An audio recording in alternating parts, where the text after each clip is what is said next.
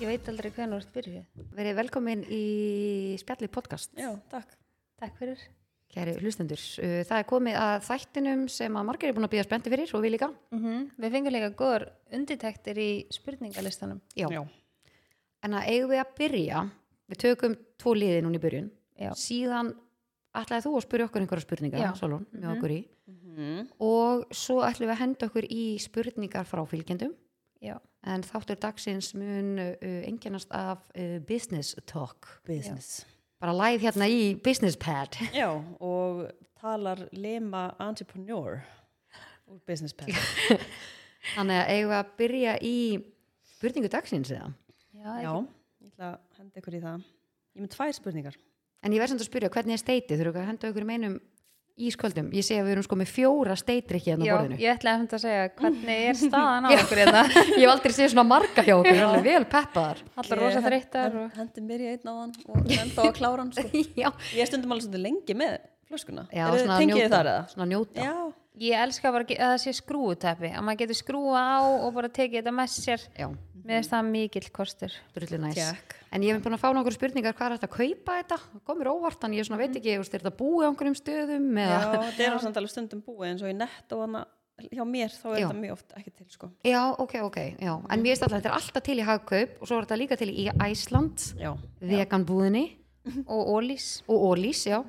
Og við er- býðum spenntar eftir er að þessi veganbúð umtalaða? Í sama stað og kýrubáltstöðjan uh, Reykjavíkur, þessum gummi í Faxafinni, Faxafinn 14 Mm, Ok, ok. þannig að vegabúðin er þar Sjátt á Gumma Kíró. Já, okkarlega en við mælum með því að tjekkið á State-ríkjunum en State er einn uh, spons þáttarins Já. Styrtar aðalið þáttarins. Já, Thank you line. Eru þið tilbúinir spurningu dagsins? yes, hendi hend spurningun í okkur Er stress eða? Línar að fá svo að drekka eitt sopp. ég, þarf, ég þarf alveg að fá mér annan Stelpur, ég, þetta var svo mikið svona framistuðu sopi að þið bára gláp á mig Við erum líka búin að sitja hérna svo lengi að svo skrítið að sitja hérna og ekki bara taka upp. Já. Það nú maður svona geta að passa sig. Ég get svona var um mig. Kast Herðu, stelpur. Já. Spurning dagsins. Uh, hvaða venjur tókstu frá fóreldrum þínum?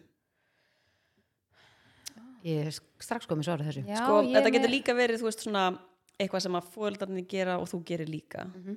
Eða einhverja ven, þú veist, hefðir eða venjur eða bara eitthvað. Já. Já, ég get Allan sagt ein- það bara- Lema bara, herðu, já, ég er bara, bara kottum strax með þetta. bara þrif árátta og hafa allt reynd amma var held í pottit með eitthvað svona eins og ég er Ó, ég vildi að þið tekið það frá mömmu minni. amma Hún er var, mjög- hérna, já, amma var svakalig sko. ég man þegar ég bjó hjá ömmu og afa í smá tíma að hérna og þau voru með bað og styrstu og ég eitthvað hérna amma maður ekki bara fara í heitt bað? Nei ég var hérna ganga frá ég vil hafa svona punti eins og það er hann getur ekki farið bara í styrtuna þá, já hún bannaði mér hún basically bannaði mér fyrir bað að því hún var nýbúin að ganga frá og setja eitthvað svona puntandi kring ég Hvernig, horfði hvernig gekk henni þá að eiga krakka? En máli er að þetta er típist ég í dag. Já. Ég er bara, ég var með bað og krakkarnir bara með ekki farið bað? Nei, ég var einn að þrýfa Geti ekki farið bara í sturtuna. Þetta er, Og mamma varð svona, hann að ég er svona Hann að gummi góður ef ég eignast bad sko. Já. En kannski stoppar þetta hjá því. En svo er pappi minn líka svaka snirtipinni sko. Hann er að, það má enginn til þess þrýfa spekla heima á honum með hann sjálfur sko.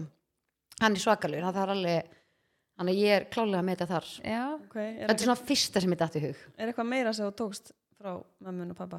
Sko eina sem ég langar, ég veit ekki, eitthvað svo svo skrítið, ok, amma, hún hérna, hún var Gíslína alltaf að dra- þá. já, Gíslína, Gíslína. Gíslína, hún var alltaf að drakka úr dósum og svo sett hún alltaf svona braut saman pappir Já. og Og það setti sem til að halda gósinu. til að halda gósinu Ha? Og-. Þetta er svona nýskapjó línu. Þetta er nýskap, nýskap, ég tók sáðan, ég tók, Býtu, býtu, nú þurfum aðeins að stoppa hérna. já, Lena, Lema. býtti ég er að sína myndaði, ég tók myndaði sáðan, Er að ég sendi á mömmu. Nú, nú er Lema grínast. Nei.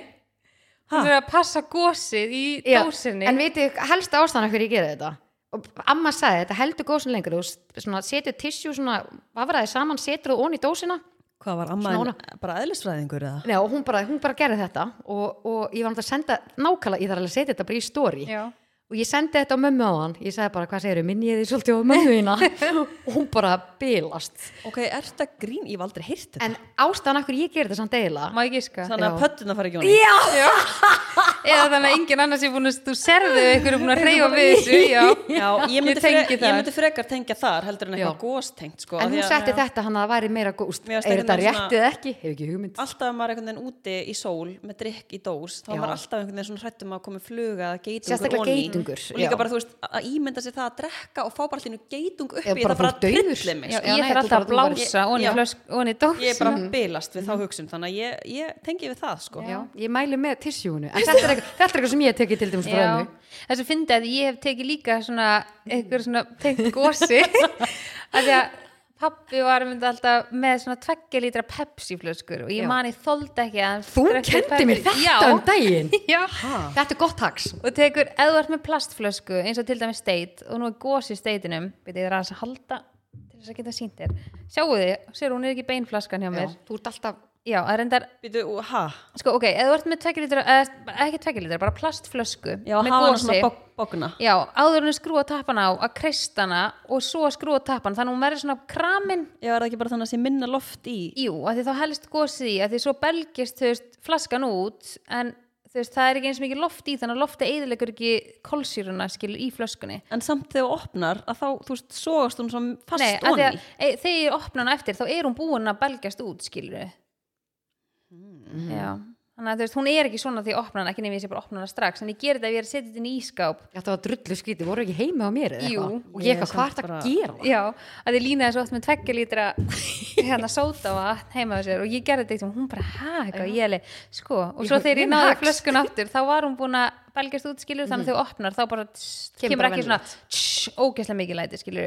Vá, ég þóla ekki svona tveggja litra flöskur. Nei, Mér finnst það bara óþólandi, það raðast bara leiðilega í ískapinn og Já, ég er bara máli, ég drekk svo ógeðslega mikið sótavatn og gummi er stundu bara hvað hérna, að því ég er búin að kaupa líka svona kolsýru tæki en bara gaurinn kolsýran er bara búinn strax. Já, ég þarf bara að eiga svona þarft að- já, 10.000 þú þarft að tilki eiga bara vara sko. já, en þetta er bara, Já. þau eru svo fljóta að klára ég drekk svo mikið sótavatn já En já, pappi gerði þetta alltaf og ég þoldi þetta ekki. Mér Já. fannst þetta svo pyrrandi, mér Já. fannst þetta líka svo sjoppulegt. Inn í ískapnum, eitthvað svona hálf pepsi, pepsi Pepsi. pepsi.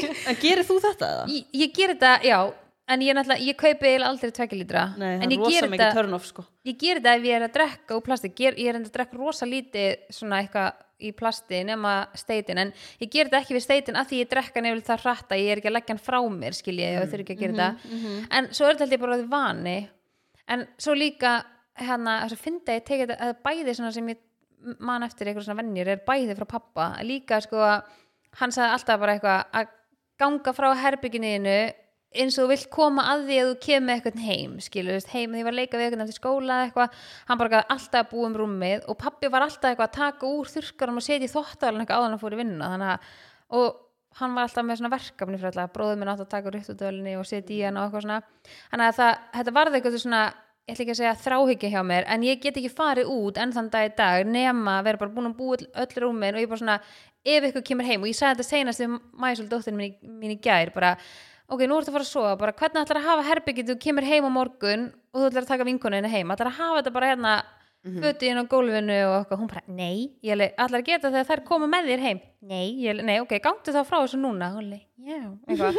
Þannig, að- og ég er svona farin að kenna skilur bönnunum mínum þetta sem að situr alveg svona í mér, úkslega fyndið að en ég tengi ókslega mikið við þetta, þú vilt bara ganga frá hann að einhver verið að koma með þér bara óvart heim Já. að þá veistu bara að það er allt tilbúið. Já, og þú mér þarft ekki að vera eitthvað að færa þetta og ganga frá þessu og... Nei, og það tekum hann þú veist þrjár myndur, oftast skilur Mhm. ekki nema Já, líka þú veist, ef maður gerir þetta alltaf þá er maður svo snöggur að þessu. Bara Og líka ókslega bara- mikið rútína. ég veit líka bara ekkert betur en að koma heim og bara svona ah, það, ég þarf ekki að byrja á því að fara Það líður bara miklu betur. Já, veist, það er það, bara ég hlakka líka til að fara heim Mhm, skilji en auðvitað kom alveg fyrir dagar sem að þú veist það er bara svona óhjákamulegt og eins og við sögum og já. fjögur úrslega mikið að Mér finnst ég ég ger ekki annað en að taka til sko.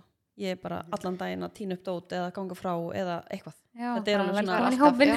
Já, þetta er ókslega fyndið og sérstaklega núna. Og mér svo fyndi sko, nú er ég búin að vera ein heima í nánastu viku að þegar gummið er úti og krakkanir Það er ekki bara alltaf ókslega hreint og næs? Ég sko, nei það er alltaf vel spritta og reynd heima. Þú kemur heim og bara, ú, Já, það er bara, hreint. en samt er ég sko endast að setja þóttaðil og ég er alltaf að setja upp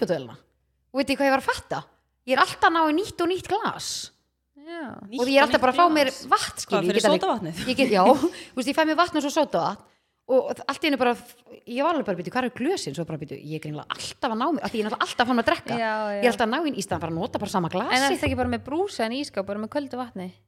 Ég þarf eitthvað aðeins að pæla í þessu. Ég, ég fór alltaf inn að pæla bara herri, ég, er bara með, ég er alltaf að ganga samt frá eftir Já. sjálfa mig. Svo alltaf ríksög ég heima alla daga og alltaf sefnherbyggi mitt tvistar á dag alla daga? Alla daga og svo Já. ríks hún er verið ég sko. sko, en sko, hefurðu ok, tíma í þetta? nei, ég ríksöga kannski svona annan hver dag heima, þú veist, allt húsið skilur en ég ríksöga alltaf á hverjum einasta degi og stundu tvisar á dag svefnherbyggi mitt og baðherbyggi sem er inn á svefnherbygginu sem er baðherbyggi mitt, hverjum einasta degi hvað er það bara því að þú farið hárum og þú sérð bara þeim er svo ljóst já, ég vil bara ekki vita að sé ríkengstöður kringum með þar já, já. ég vil bara að herbyggi mitt sé bara svona heilagt og hérna en það kemur líka, sko, svefnherbyggja það kemur svo ógeðslega mikið rík hvað er málið? en þú er bara að hrista sængurnar Já. þú ert með gardínur, það sest náttúrulega bara allt í þetta skilur svo og þú sést er bara allt í sólinni sko í, Já. yfir sumatíman sko og ert með föt og veist það myndast og þú bara, þetta er bara staður sem að myndast mest rík Mhm, og það er bara óhjákvæmilegt mm ég stundi bara, ég var að reyksu í gær og það er bara, ykkur, þú veist, skellir hurðinu það bara fíkur bara allt í nú ló já, og ég bara, og maður, hvaðan kom þetta?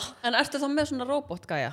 Nei, ég er núna bara með svona handgur. Ég, sko, ég var með robot og ég var hérna, sett hann í gang. Og ég alveg, wow, nice, geðveitt svo var ég bara, mér líður ekki að segja ekki nóg reynd að því ég er ekki að fara í gegnum þetta. Ég er nefnilega að tengja þarna sko. Já. þannig að ég Ok. þarf að reyksuga sjálf. Þetta var bara orðið þannig að ég byrja að reyksuga eftir hann upp á að líða betur að vita að væri svona reynd. Þú veist, ég er með þrýfingakonur við gummi sko, sem koma tvisar í mánuði. Ég þrýf eftir þær. Ha? þú veist, þær gera bara tandur hreint en ég, þú veist, er fer yfir eftir þær.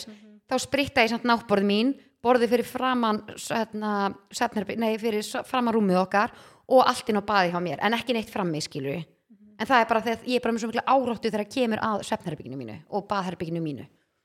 Já. Það Ég er nefnilega- ágætist tími sem fyrir úr líð þetta. Mhm.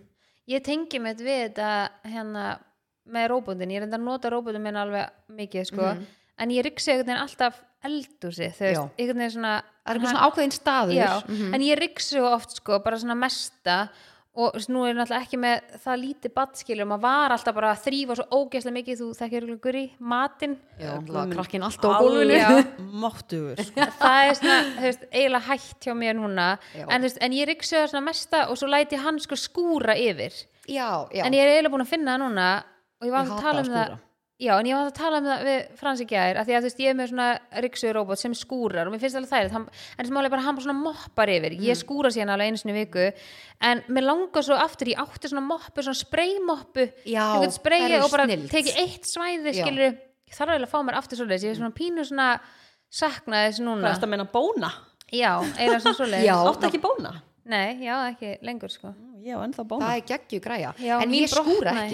sko Ég það er ég nei, sjá, þær sjáum Hvað það að. Æ, hún, ef- eitthvað þegar við varum að flyt ég er ekki búin að eiga í svona þrjú ára Í alvörinni. Já. Ég gríp alveg oft í hana sko, því hún er fínni mitt svona yfir svona bara eftir Svona, matinn og já, og þú veist, ógislega næs. Mér alltaf allt í kæfu og smjöri á mínu gólfi sko.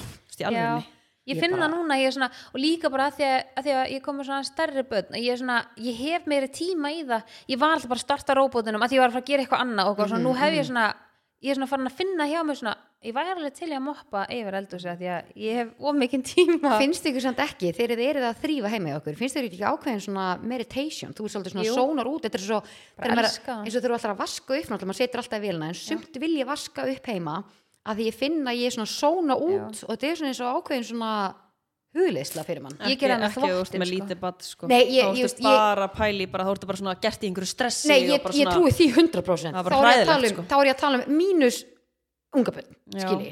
Ég er nefnilega að tengja alveg Gurri af því að ég var alltaf bara að gera þetta bara og alltaf að reyna að gera sem allt bara ógæslega skilvirt og bara gera mm fljótt og eitthvað svona. að Já, alltaf svona drífa með öllu og alltaf bara svona hálf sveitt og bara geta að hlaupa út og eitthvað og bara svona leggja ógæslega mikið á mig til þess að sé allt hreint þegar ég fer út svo ég geti komið heima og eitthvað.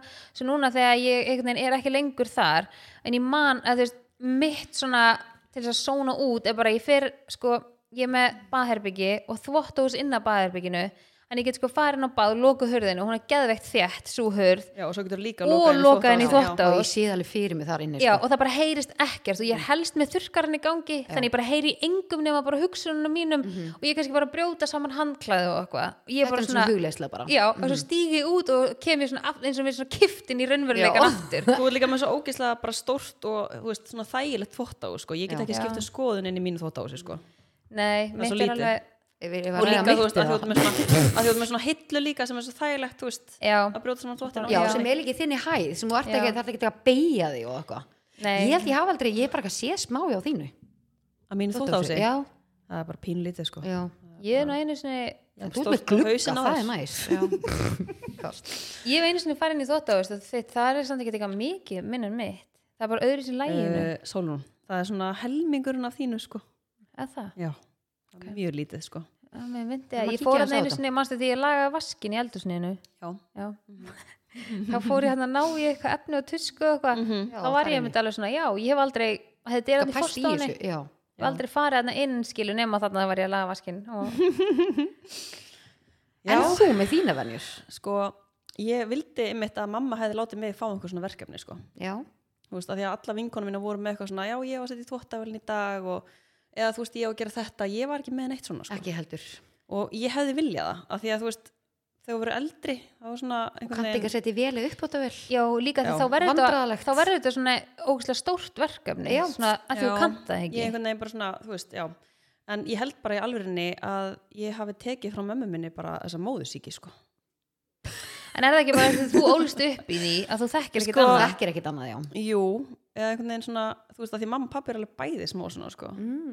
þau eru bæði, þú veist, algjöru snistipinnar og alltaf bara að þrýfa og allt rosa hreint og einhvern veginn svona, en ég einhvern veginn, þú veist, að því ég var aldrei látin taka þátt í því, að þá held ég einhvern veginn, ég hef ekki alveg, þú veist, tekið það Mhm. þú veist, ég er með þrif af því að það er þá bara eitt vandamál í burtu úr mínu lífi en ég þrýf samt alveg inn á milli sjálf af því að þú sérstaklega maður er með svo lítið barn þá var alltaf drastl og rík og skítur. En ég held bara einhvern veginn að já, einhvern veginn það eina sem að ég teki frá eins og mömmu er bara að vera bara stressuð um allt skilur já, og örgla bara því að maður elst upp í því. Að því Já. þú þekkir ekkit annað basically. Nei, En hvernig, ertu þá bara, þú veist eins og með Efimalin eða Aron, ertu þá bara stressuð basically fyrir bara, eða bara hverju sem er bara Já. þetta geti gerst og þetta geti gerst og, já, af því að mamma var alltaf að segja eitthvað svona við mig, eitthvað sem getur gerst Já. og var örgla líka bara, þú veist, að passa að ég myndi passa mig, en hún kannski, þú veist, fór alveg overboard já, í því, já, sko já. og hérna, en svo er mér þess að finna því að nú er Evamalin orðin 8 ára gömul og hún er 7 ára þegar Aron fæðist og ég var veginn svona aðeins búin að róast skilur því hún er svona orðið þetta gömul þú veist, kann svona þú veist, flesta hluti, hún er ekki að fara skilur að brenna puttan á pönnunni eða eitthvað svona já, þú veist, hann ég var einhvern veginn svona búin að róast með þetta og þá eignast ég Aron og þá kemur bara svona glænýtt einhvern veginn svona Já. áhyggjur og stress og einhvern veginn að nýtt. vera já, En ertu þá ekki alltaf bara úslega uptight? jú, bara alltaf bara, veist, maður, ég veginn bara alltaf að passa aldrei mig róleg.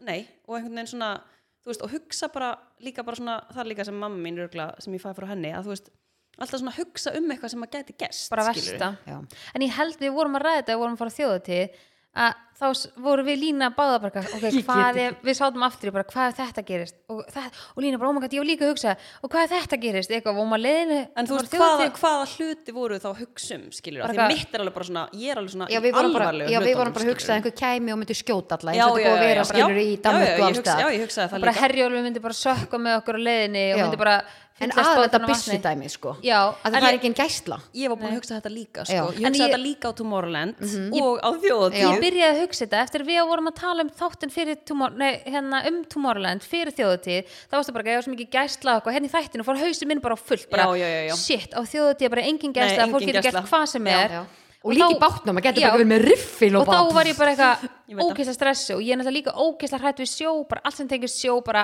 fríkar mig út. Já, já, já. og þá er ég bara eitthvað og hvað gerist þarna? og eitthvað.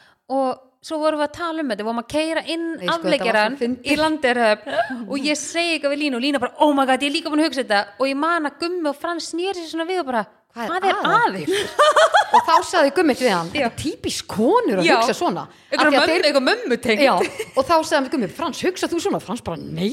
Bara, og Gummi sagði bara hvernig, hvernig byrjar þetta, hvernig komist þið á þá fór ég að hugsa ég alveg, já sko Gurri sagði sko í podcastinu. Og hann bara, ha, ég alveg já þá fór ég að pæla í þessu. Og þeir voru báða bara, er eitthvað að ykkur? Ég hugsa bara svo mikið því að það er búið að vera svo mikið út um allan heim því að Já, það er pottet einhver sem langar að gera þetta hérna Segja nei ég er bara að segja Já. nú er þetta bara staðurinn, það er klárlega. Það er ekkert, ekkert spurningu hvort, það er bara hvenar að maður, að maður ok, og ég þetta fríka mig út sko Já, að ég segja þetta bara- upp á ég fæ gæsa. en maður bara svona, þarna hefur verið kjö, semi kjöri tækifæri kannski fyrir einhver engin Heyrðu, gest ekki vera að gefa einhverjum Nei, hugmynd ég held að sko. Svo þú erum maður ekki að segja ykkur svona því Nei, maður er að gefa það. hugmyndir og líka bara það, því meira sem er talað um þetta í fjölmjölum Já. og meira verið sína frá þessu það getur kviknað í hei- Já, öðrum. það hvetur aðra og því meira sem að þetta kemur í fjölmjölum og eitthvað, sama hvar í heiminum því oftar kemur þetta fyrir og það gerist ítrekað eftir að svona gerist það er líka þetta sem að fríka mig út einmitt með þjóðatíð, þá var Já. ég bara svona kannski er bara einhver bubba að pála heimi á sér bara eitthvað, bara eitthvað herðu, já þetta var að gerast í Danmörku hérna og hérna hérna er kannski minn tími komin en þetta en svo munið ekki líka þarna eftir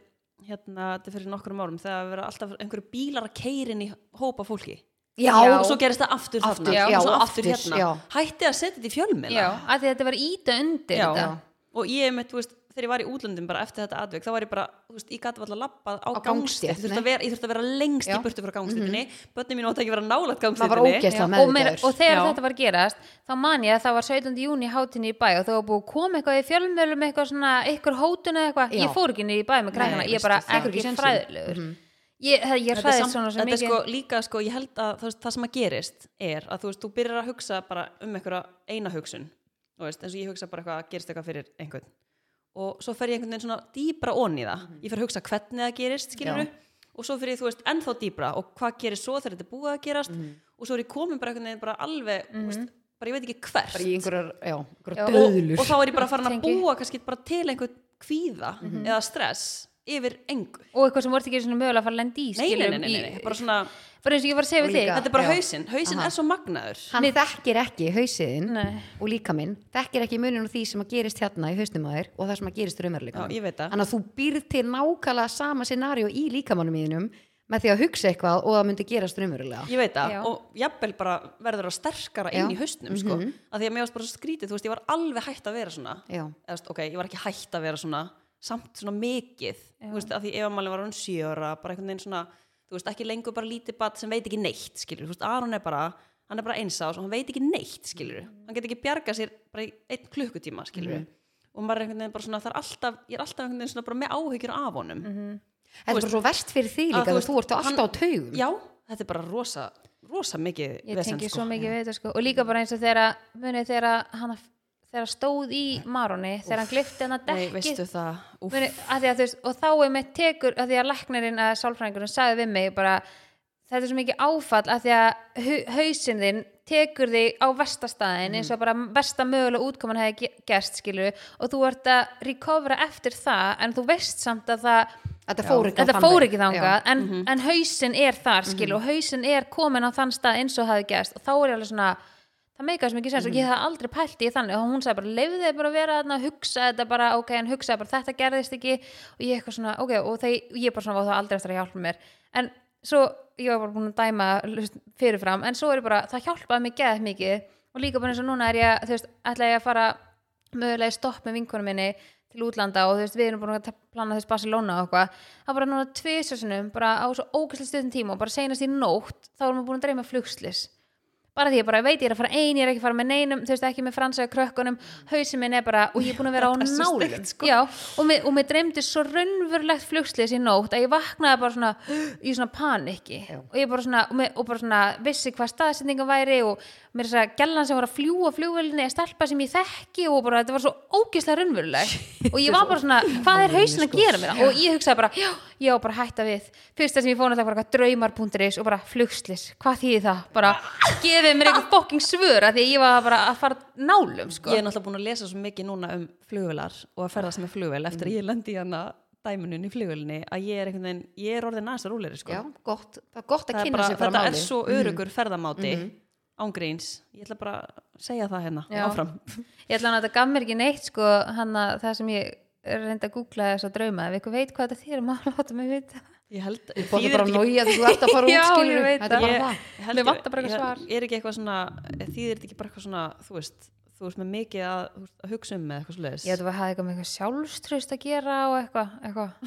óur eitthvað að fara út einn já, eitthvað svona, það er ekki sjálfströst í verkefnin eða eitthvað einstaklingur undir mikla álægi, þetta var eitthvað alveg ég uh, loka Já. þessu. Svo er mér líka, þú veist, ef maður er undir álægi mikið árið degi og eitthvað svona að þá er einhvern veginn meiri svona stress og kvíði um eitthvað svona. Þetta er svo, þú já, þetta var Og- og- að helst í Eykst hendur. Já. og líka þegar sko Mæsól vaknaði klán fjögur í nótt og að því hún er sko fór sex ári í axla. Og hún var með svo mikið þristing í axlinu þannig að hún vaknaði klán fjögur. Þannig að ég vaknaði og svo bara ekki sopnaði ég aftur og þegar þú sopnar aftur þá þá dreymir alltaf- alltaf nei, þá- svona bull þá, þá, þá martraðir. dreymir alltaf einhvern við Já, Já. og ég var alveg, ég er hugsaði á daginn já, líka ef Hvað þú va- gerir? ef þú Já. vaknar svona kannski fimm á nóttunni Já. og sopnar svo aftur það er bara, þetta er með viðbjóð Já, og ég vaknaði það er málið? sex í paniki og ég sopnaði ekki aftur en ég vaknaði bara eitthvað, þú veist, þrjár myndir yfir sex og ég var bara, holy shit, bara, og ég hugsaði bara, ég sendi beint á vinkunum mína sem ég fann með mér út ég bara, ég er að spá, ég bara hætta við þetta bara er ekkert sniðut og að því að við ætlum að fara að en að að þið vitið að þetta er draumur. Já, en þið haldið svona áfram. Já. Nei, lima eins og þú ert bara í einhverju þvílíkur limi og er, er að dreyma það og vilt ekki hætta.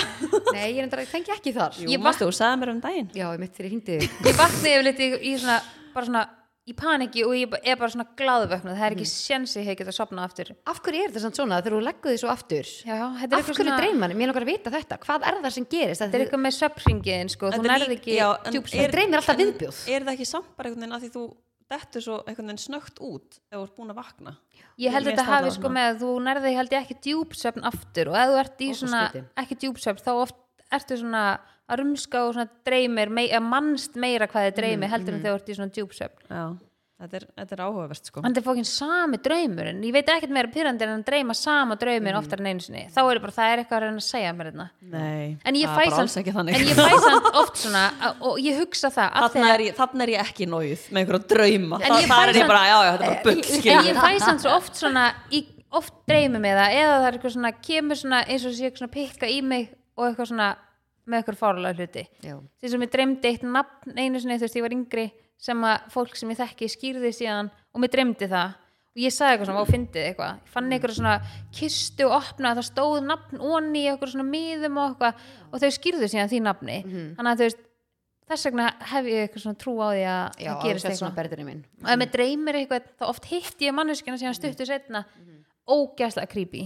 Kannski ég er búin að sjá þessa manneski bara eitthvað þú veist, fimm ára eða eitthvað, svo bara mæti ég henni bara já, mér dreymdi hérna þú veist, stundum síðan. Alveg, mm, frábært. Ógæslega creepy sko. Bilast, sko. En spurning dagsins er í bóði Reebok Fitness Þetta var rosa löng spurning Já, að koma komin Háttunum er að búin sko. Nei, hálftími komin. Ha? og við erum ekki svona byrjaður á business pælingunum Nei, nei, nei, nei, við erum þetta bara, bara í allt kvöld Er sko. það ekki? Að já, Jú, jú. hvernig gengur ykkur að mæta æfingu? Ekki vel. Vel. Já, ok. Ó, bara Þa, Það er mitt svona merit, nei, Meditation. meditation, sagður það? Já, það er einhvern veginn bara, já bara, ég minnst það líka bara hjálpa rosalega mikið bara öllu að hreyfa mig, ég elska að hreyfa mig. Já, mér finnst það líka næst núna þegar svona Að komið losa. meiri rútína Já. og þú veist, skólanir á námskeiðinu svona byrja aftur, þá finnst mér það mjög Þá næs. veit ég líka að það mun kveikni í okkur sko. Já, Já, bíðum búin að vera bara first í the pad? Uh, Já, á ég að spyrja ykkur spurninga það sem við fengum eða vil ég byrja að tala um eitthvað annað Já, bara, ég hef ekki bara henda okkur beint í þetta byrjum bara. bara, og svo bara getum við talað út frá því svo Já. verðum nú ekki inn í allt kvöld Já. Já. Ég ætla að spyrja ykkur að því að þið hafi báða að starta business, Lína með Define og Guri með snirtistofuna þannig að ég tekið þetta á mig að ykkur. Já um, Sko mjög algeng spurning er hvernig fjármagnar maður upp á rekstri mestu hausverkurinn Sko, ég skil það og þetta er ofta svona punkturinn sem að stoppar fólk Já, og ég var alveg verið þarna sjálf en eins og hvernig ég byrjaði að því ég náttúrulega opnaði búð þarna eh, þegar ég var hvað 22-23 já, Já, hvað hét hét hún áttur? Define the line Býtu, hét hún það? Hét það Define sama the á Line. íþrótafötum? Já, og ég vildi en ég vissi alltaf að ég myndi hanna vörur undir vörumerkinu setna meir að því ég var ekki tilbúin á þessum tíma ég man mér sem ég opnaði búðuna og fekk ég sko uh, kona sem átti saumastofu, íslensk kona sem átti saumastofu í Indlandi, hún bauð mér að fara að búa til vörur undir mínu vörumerki og ég var alveg var rosalega svona heikandi að því ég fann bara ég var ekki tilbúin til þess, fatti Mhm. en svo bara setna meir allt í henni fann ég bara ég vil gera þetta. Og þá fekk ég Ég hugmyndina, já, með hérna æfingafutt, skilji. Já. Mhm. og þá var ég bara, heyrðu, þetta er það sem ég vil gera. En sko, hvernig ég byrjaði persónulega, þá var ég búin að sapna með pening fyrir bíl. Mann veit að var 800.000 til miljón sem ég var komin upp í. Og þá sá ég, ég var búin að vera sko með svona sérpantanir að panta af erlendum síðum og var svona milliliði fyrir fólk. Uh, byrjaði þannig og svo var ég að panta bara föt á heildsölum og var að selja fyrst bara heima hann að fólk kom heim til mín. Síðan legði ég bílskúr, byrjaði á því þannig ég tók svona hænu skrifu upp og síðan langaði mig alltaf ég var í bílskúrnum bara þegar það sprakk. Það var svo mikið að gera. Að ég bara, mér vantar helst bara búð og ég var skítrættu að því ég vissi ekkert hvað ég var að gera. Já. aldrei verið einhverjum fyrirtækjarekstri. þannig að, En þegar þú safnaði fyrir bíl, var það þá fyrirtækjabíl? nei, Nei. það var bara bíl fyrir já, þá er ég bara að tala um fyrir mér persónulega því ég Já, var bara einhver algjöru druslu skilu ég bara, Já. ég með langar í hans nýrri bíl Já. þannig ég er búin að vera að sapna pening í alveg ágættis tíma og notaður svo þann pening ég, já, þannig Já, ég já. að taka ákvörðun þegar ég sé, vera bara áfram á druslunni og... já, hann að þegar ég sé var, þetta það, var það ægóin eða? Nei, Nei, það var hérna, Opel, Opel Astra sem ég átti, sem ég var á. En þegar ég sé þetta húsnæði þarna í Borgatúnu 3 sem losti.is er í núna, það var svæðið sem búðum ég var í, að þegar ég sá það til leigu og ég var bara svona, oh my god, ég fekk alveg svona stingi maður bara, mér langar að gera þetta, en ég var skítrætt. Ég alveg, ok, hvernig á ég að byrja, hvernig á fjármyndu, svo var ég bara, ok, er ég að fara að sleppa að kaupa bíl sem ég langar að fá mér, skilur, því ég nenni ekki að vera sem bílskilur sem ég er á, eða er ég að fara að kaupa nýjan bíl eða á ég að fara að fjárfesta í mér og því sem mér langar að gera. Þannig ég ákvað að taka uh, þá ákvörðun, þannig ég set allan peningin í það og ég vissi það bara, þá byrjaði bara upp á nýtt að safna pening, skilur, en ég byrjaði þannig. Já. Þannig að ég hef aldrei fengið lán frá neinum, ég hef aldrei tekið lán í sem banka. er mjög skinsanlegt Já, Já. en svo er náttúrulega bara fyrir eftir í hvað business þú ert að fara í ef Já, þú ég ert ætlaði með einmitt að segja það. einhvern hugbúnað eða ert með þetta og þetta þú veist, þá þarftu bara að fá fjármagn skilur Mhm. og þá Það fer- þarftu bara að hafa samband við einhverja fjárfesta eða hvað segir maður, svona angels svona engla sem að fjárfesta í þér sko. En það er náttúrulega líka að byrja í bankanum eða ekki að jú, þú getur líka svona- beðið, jú, algjörlega Já. og þá getur bara að fara að fund með þeim og útskýrti hugmyndina hvernig þú ert að fara Já. kassinn og, og allt þetta sko, hann að það er bara svona allir gangur á því en ég er alltaf mjög ána hvernig ég byrjaði Já. það fer ótrúlega eftir hvað þú ætlar að gera sko. Já. af því að þú veist, ef þú ætlar bara að fara að byrja með eitthvað svona smá rekstur þú veist, eins og þú Mhm. og ég að þá er alveg, þú veist, sniðut að vera kannski búin að gera einhver rástafanir og vera búin að sapna sér eitthvað Mhm. að þetta er ekki það mikið þú veist, að ég er enda þurft alveg að kaupa þú veist, eins og stól sem kostaði alveg hvað kostaði hann? Eðla mikið, ég manna það ekki. Ég sko bara kostnarinn í kringum þetta er bara svo mikið. Já, og ég Já. þurft að kaupa, þú veist, bara alla vörurnar skilur Svona hér og þar sem týnist til. Já, en ég var líka búin að safna með penning sko, Mhm. fyrir öllu. Og þannig að ég þurfti heldur ekki að taka lán. Já. En, en það er með- held ég hægt sko. Ég held að sé hægt að taka eitthvað svona framkvæmt bara svo er lengi þetta? sem þú ert með ert að sína fram að þú getir En- uh, Hvernig fjármagnar eins og lagarinn hjá þér? uh, ég bara kefti óksla lítinn lagir Já, já, ég byrjaði bara lítið í einu þú veist eins og ég opnaði búðina þú veist, leigan var heldur 135 eða 150 skall á þeim tíma og á mánuði og já, og svo var ég, passa ég alltaf upp á að vera ekki með mikinn lagir þannig að ég var, var alltaf þannig, alltaf í businessnum það er ég líka ótrúlega ég sniðut vildi aldrei setja uppi með vörur að þú varst að segja að þú veist, þú vissi hvað leigaðin kostaði, Já. að, kostaði að þú veist, vera bara búin að gera pínu svona plan já, en þú veist, þú fer alltaf hans yfir það að því að svo þurfti ég alltaf inn að kaupa, þú veist bara afgriðsluborðið Já. og flekarnir til að hengja upp á nei, upp á veggin skilur Mhm. Og svo ertu með pinna, svo ertu með herðatri svo ertu með lagerinn, svo ertu með er tekkin til þess að uh, setja Já. verðmiðan á.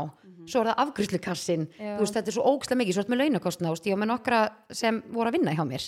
Þannig að Og bara eitthvað net og posi þetta, og er, allt þetta, þetta, er, þetta er endalaust. En fyrir ykkur sem er að hlusta ég veit þetta er yfirþyrmandi en ef þið taki bara, sko það sem ég langar að segja bara við alla þetta er ógislega yfirþyrmandi að þú hugsar allt í einu. Hlusti á peplan. Já, nei, bara taka eitt lítið skref byrja á þessu, svo búið með það. Ok, ég búið með þetta, teku næsta.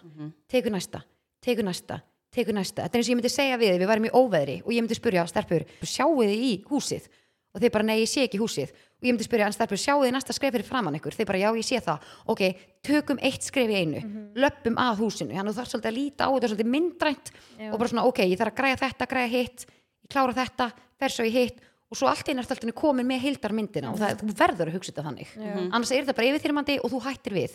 Já, og það er ástæðan af hverju fólk því. hættir oftast við. Já, mér finnst líka ótrúlega sniðut að uh, já, gera sérst plan með hérna, útgjöldin og byrja bara hægt. Já, af því að þú veist, það eru margir sem gera kannski mistök, kannski taka einhver lán og byrja bara í einhverju þvílíku já, og geta svo ekki staðið undir því. Mhm. og þú veist, ég mitt byrjaði bara mjög hægt líka eins og þú. Mm leiði bara eitthvað pínlítið herbyggi. Og þú veist, ég var ekkert endilega eitthvað ána með það. En þú varst að byrja skilur já, já. það byrjar einhver staðar það og byrjar allir leifa einhver sér að vera staðar byrjandi og svo pælta gaman fyrir þið núna. Með Já. geggja á stofu og bara, herru, ég byrjaði þarna. Ég veit það, Geðveikt. þú veist, þegar þú veist bónus var að byrja, Já. þá var þetta bara byrjuði bara einhverju pínlítilli bara búð út á Mhm, hodni, nákvæmlega. skilur þú veist, þú byrjar alltaf einhver staðar og það er gott að byrja bara þú veist, minna heldur en meira skilur ég var líka að vinna sig upp að því ég held líka sko að þú ætlaðir of mikið í byrjun þá verður þetta heldur ekki eins þú veist svona, hvað segir maður eins árangursvíkt að því að þú ert svo lengi að vinna þig upp í það sem þú ætlaðir skilur, frekar að taka í, að ég held einmitt að ef fólk fer of mikið þú veist, of hratt inn í eitthvað að þá svona einmitt missur annarkvist áhugan eða þetta verður bara svona of mikið líka. já. já, algjörlega Mhm, Já, ég mitt var bara, já, byrjaði bara í einhverju litlu herbeggi, bara veist, frekar ódýrleiga og gerði bara svona smá plan hvað ég ætla að vera þar lengi ef að það myndi ganga vel. En einu sem ég líka að koma fram á líka varandi þetta að vera svona byrjandi að því ég er alltaf tegnast að þessu bara leiður á byrjandi og njótti þess Já. að það er miklu meiri sexy saga þegar þú komið langt, skilur við að geta sagt hvað þú byrjaðir en ég man þegar ég var byrjandi, ég var bara, ég verðar að koma meira. Ég Vá, að ég var lengri nefnilega að hugsa það ekki. Nei, ég, þarna var ég að því ég er svo ógeðslega árangustrifin manneskja, Þetta er svo Að ég ég vissi bara, þú veist, að ef þú pælir í því, þú veist, að góður hlutir gerast hægt, sko. algjörlega en ég var alltaf bara, þetta er ekki nóg þetta er ekki nóg en er það þetta ekki líka nóg. kannski bara fyrir þig hvetjandi skilur Jú, að gera betur, þú ert ennþá svona. Já, ég, ég, þú ert alveg eins og Molly May talar um bara, þú, þú veist, þú nærði ekki að fagna litlu sigurunum af því þú ert strax búin að ákveða bara, ok, hvað gerir næst. Og þetta er alveg, Já. þú veist, að, mér fannst þetta vanta hjá mér að vera byrjandi að njóta þess, þú veist Akkur tók ég ekki fleiri myndir sem ég get deilt með skilu ég fór til í Dropboxi mitt eitthvað inn í símónum mínum og gamla símónum mínum. Já. þá var bara fullt, er, ekki fullt nokkra myndir, ég bara akkur ekki fleiri myndir? Já. akkur ekki myndir síðan á lagerinn heima? Já, þú veist, ég var bara heimin í stofu og fólk að koma heim til mín skilur. Einmitt. þú veist, akkur ekki myndir af þessu en þú fleiri? frekar meira svona fannst það ekki nóg Nei, ég var ekki nóg stolt, já. skilur. Ég bara, ég vildi meira, ég vildi meira, ég vildi meira. Og ég finna bara eins og núna, ok, jú, ég er alveg, ég er alveg ánægð, skilur, ég en ég er ég er ég fyrir beint í næsta, beint í næsta, beint í næsta. En er ekki líka bara, þú veist, eitthvað sem þú þarf kannski að læra að vera bara ókslega stolt af því sem þú Jú, ég, ég, ég er þú mjög stolt og ánægð í dag. Já, en ég, er meina, að tala um þú sem veist, að vera ekki byrjandi. alltaf bara, ég verð að fara þarna, ég verð að, gera meira. Nei, ég, ég, ég er á alltaf einum stað, þá, ég, nú er ég að tala um bara því ég var byrjandi. Já, já, já. þá var ég ekki nógu skilur stolt að vera bara byrjandi að því ég Já. Vildi vera komin lengra. Það er bara því ég er svona árugunst tengt en í dag er allt öðru sig, Já. ég veit bara þess vegna er ég alltaf að segja, leifi ykkur að byrjandur Mhm. og njóti þess að vera í ferlinu eins og núna, þetta snýst ekki um á áfangastað hjá mér, þetta snýst um að vera í ferlinu og hafa gaman að því að vera í ferlinu Mhm. en mér fannst ekki ferlinu og skemmtilegt að ég held að þetta var einhver einn ákveðin áfangastaður Mhm. en þú, þegar þú þroskast og eldist þá veistu bara að þetta snýst um ferlið Mhm. það snýst ekki um að ég nái þessum staði að þessum stað, því ég veit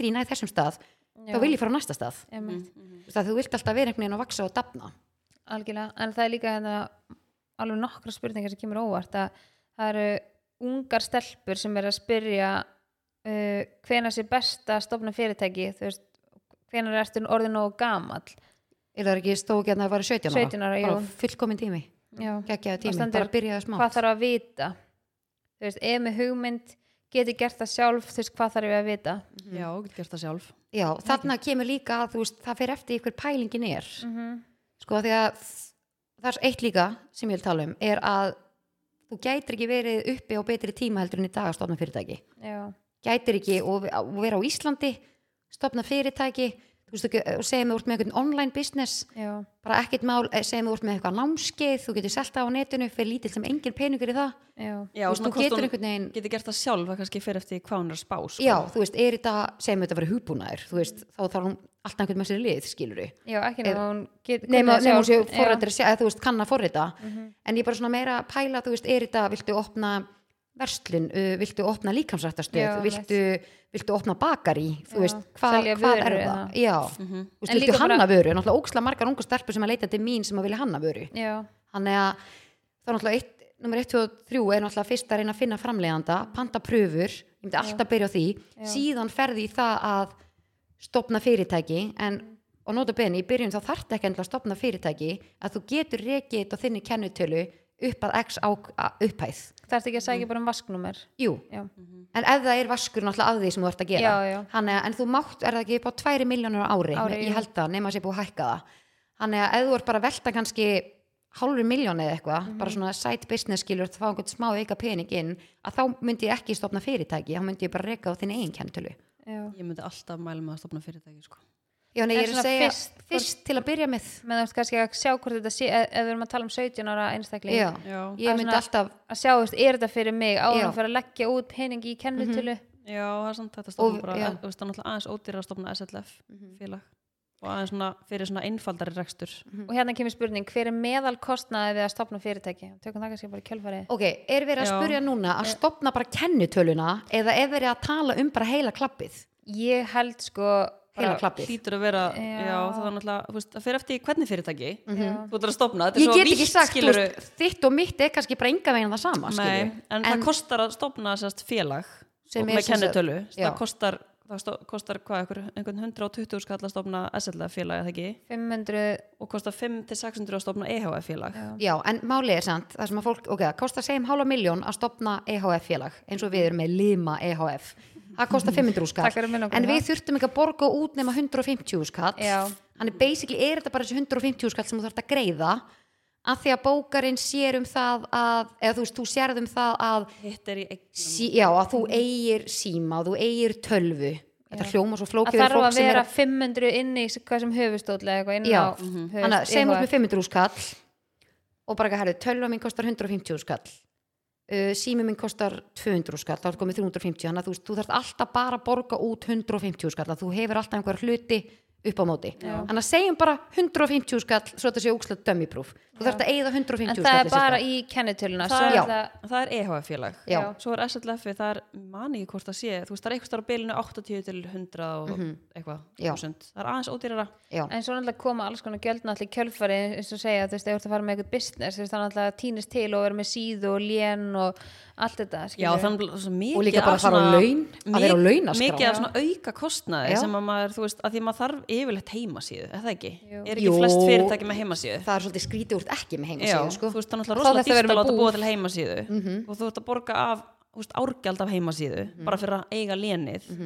uh, hvað er meira? Svo er einhver hýsing líka bókari Bók, já, svo náttúrulega bókarinn líka Já, það var einn spurning um já. bókara líka, Já. eða ekki Jú. Nei, það var eitthvað sem spurði hvernig við höldum utan um bókaldið Já, sko, ég, við erum allar bara með bókara sem sér um þetta þegar ég, ég þóla ekki bókald sko. ég bara undibýða vel fyrir bókara minn svo tekur hann bara við því. Og ég er bara með bókara sem sér um allt og svo bara borga maður honum annað hvert mánu Þannig að þegar þetta hann er að skila inn virðisaukaskatti. Já, Já, ég er líka með endurskoðanda á hana stofunni en Mhm. ég samt ger alltaf upp ég ger allt upp sjálf sko. En ég læt endurskoðandan sjá um bara virðisaukaskattin og skattin Nú er svo Bara- hrættum að er fólk veit sko- ekki neitt að við sem en, að tala en það sem er samt sniðut er að þú veist, ég er til dæmis með svona bókaldskerfi sem er ótrúlega sniðut á, með stofuna og þar getið tikkað inn bara alla sölu og alla innkomu og bókaldi sér um að reikna vaskinn og allt þetta já, skilur já, og svo, svo sendi ég það bara á endurskoðandan þannig að mér sniðut að vera með eitthvað svona bókaldskerfi að því að þú veist, endurskoðanin rukkar bara eftir tíma gjaldi, hvað hann er lengi að græja þetta þannig að þú veist, því undi, þú veist, meira undirbúið þetta er þegar hann fær þetta þá, þú veist, því fljótar er hann að já vinna þú vinnuna sína, skipulaður bara rosalega skipulaður sko. en við mælum með því að þið fáu ykkur bókara það er ástæð fyrir okkur bókarar er að vinna. Já, líka En bara til að er hafa upp á tíu já, skilur algjörlega, pældu að vera að sjá um þetta sjálfur svo allt henni kemur skatturinn eftir bara eitthvað herðið Já, þú vilt ekki fá skattin í andlitið sko. Nei. það er bara það var betra að gera þetta bara allt strax og vera með þetta bara allt upp á borði og þá Já. þess lendur að minna í ykkur vesinni en þá aftur á móti kemur einn auka kostnæður hér og það sem það er að græja og gera. Já, er sko en það er miklu betra heldur en að fá eitt stóran reikning í hausina því þú gerðir eitthvað ekki rétt. Einmitt, já, bara Þannig við alltaf, alltaf að vera með bókara. næla sér í góðan bókara sko. Hérna stendur ráðtengt kostnaði á fyrirtækið og skattin reikna eldugjald. Bókarinn sér bara um það. já, Það er bara- ekki, ég ætla að segja þetta er spurning sem að við getum ekki svara bara ég vil bara, Það er bara að fá bókaran til að sjá um Já. þetta. Þú, veist, þú þarft ekki að pæli þessu, Mhm. bókaran segir bara já, ég er að rekna þetta hérna á þig, þú borgar þetta. Þú veist, og allt þetta tryggingagjald Mhm. og stakrislann og bara þú þarft ekki að pæli þessu. Bókaran bara sér um þetta, segir bara hvað þú þarft að borga. Hérna stendur, kemur önnur spurning sem að hljómar svona. Hvað myndið þið segja að það tæki langan tíma til að byggja upp góðan business? Sko ég fór eftir hvað var þetta í Funnyline ég vil líka taka fram að mér oft langað að hætta út af erfiði. Að það bara koma svona yfir þegar maður til tíma sem þið langar bara af hverju er ég að þessu? Að það er ógslag erfitt að vera í business. Það er mjög erfitt. Það er bara mjög krefjandi og þú veist, þú þarft alveg að vera svolítið sterkur karakter til þess að hvað segir maður, bara svolítið sem ég að þrauka. Þú ert svolítið svona, já, sérstaklega svona í byrjun já þetta er alveg þetta er erfitt og það, þú þarft að ná í viðskiptavinni, viðskiptavinnir þurfa að líka vel við vöruna en að þú vilt að þeir komi aftur. En þú vilt ha halda í viðskiptavinni já, þannig að sko, það sem ég heyrði þegar ég var að byrja er bara ef þú nærða að vera í fimm ár þá ertu business sem er komin til að vera og það er eitthvað sem ég tók beint til mín þannig að ég, þið viti ekki hvað svo oft mér er lang að hætta með dífanlan, ég hef aldrei talað upp á Nei. við erum svo oft langað að hætta og gefast upp. En að hvað leita, bara komið leið á þessu eða... Nei, bara það, veist, þetta er bara að vera með fyrirtæki. Þú ert bara problem solva Já. út í eitt. Já. það kemur vandamál, þú ert að laga það, það kemur vandamál og þú ert alltaf vinnandi, þú ert svona fólk er oft bara, ég ætla að stopna fyrirtæki bara, það er bara að vinna kannski fjóra tíma á dag. Nei, ég er alltaf í vinnunni. Og líka fólk tekur sér ekki frí, þú þarf Nei, þetta að... ég, ég menna við erum að fara til Barcelona ég veit ég verður að vera með töluna því ég þarf að græja e-mail og klára pantanir og græja og gera mm skilu, ég veit bara ég verð að gera það. Samt er ég í fríi með ykkur, ég veit að því ég er skipt um sko, umhverfi og þannig að þú ert ein með allt. Já, sko, þú ert ég, ekki með eitthvað starfsmann þegar þú getur sagt bara eitthvað herðu, getur þú klárað þetta að ég ætla að fara hérna með gumma til Parísar um helgina? Já, en sko máli, ég er, er först á ákveðnum stað með mitt en ég get gert það allt í tölvunni. Ég er náttúrulega, er með góril á vöruhús og þar eru, hvað, þrý til fimm starfsmenn sem vinna fyrir mig. Já. og sjá um allar pantanir og græja og gera. Já, þannig að það er off your hands. Já, uh, ég er með bókara sem sér um náttúrulega bókaldi svo er ég með tölvugúru sem sér um að setja upp heimasíðinu mína græ og gera ef eitthvað klikkar.